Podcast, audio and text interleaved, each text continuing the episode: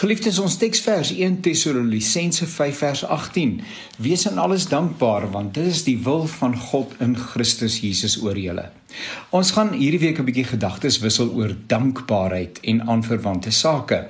'n Dankbare mens is dan 'n mooi mens, nê? Maar ondankbaarheid en onvergenoegdheid is nie altyd aangenaam nie ook om in jou eie lewe dit te ervaar en dit te akkommodeer en dit te huisves bring jou tog uiteindelik niks nader aan 'n oplossing of 'n antwoord vir jou lewensvrae nie.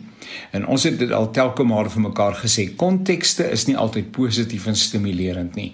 Persoonlike konteks kom ter sprake, maar ook die baie onsekerhede waaraan ons in Suid-Afrika onderwerp word. Trouwens, die wêreld is 'n deurmekaar plek en dit kan 'n mens diep ontwrig boonop is sommige van ons meer sensitief as ander en die trauma van die wêreld kan jou geweldig ontstel.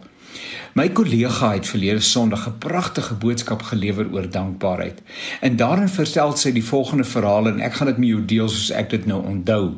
'n Oupa, self 'n boer van beroep, het die gewoonte om saans tydens aandgodsdiens 'n hele lysie van dinge waarvoor hy dankbaar is in sy gebed te noem.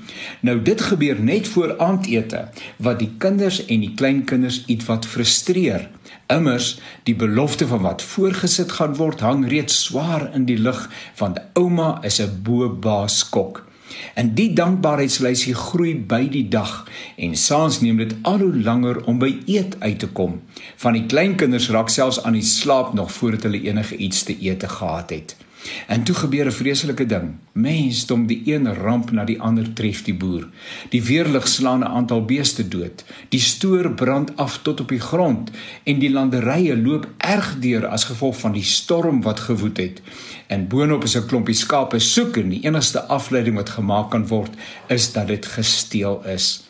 Almal wonder hoe oupa vanaand die boer sy dankbaarheidslysie gaan verwoord, maar hy stel nie teleur nie.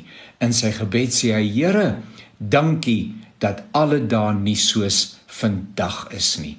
En dit illustreer iets van iemand wat 'n dankbaarheid in sy lewe integreer het. Dis nie 'n kosmetiese aangeleentheid nie, maar is deel van sy geloofs-DNA. Daar's inderdaad altyd iets om voor dankbaar te wees. Immers, jy lees en luister na die woorde van hierdie voordrag. So is die gawe van sien en hoor nie reeds genoeg stof tot oorvloedige dankbaarheid nie?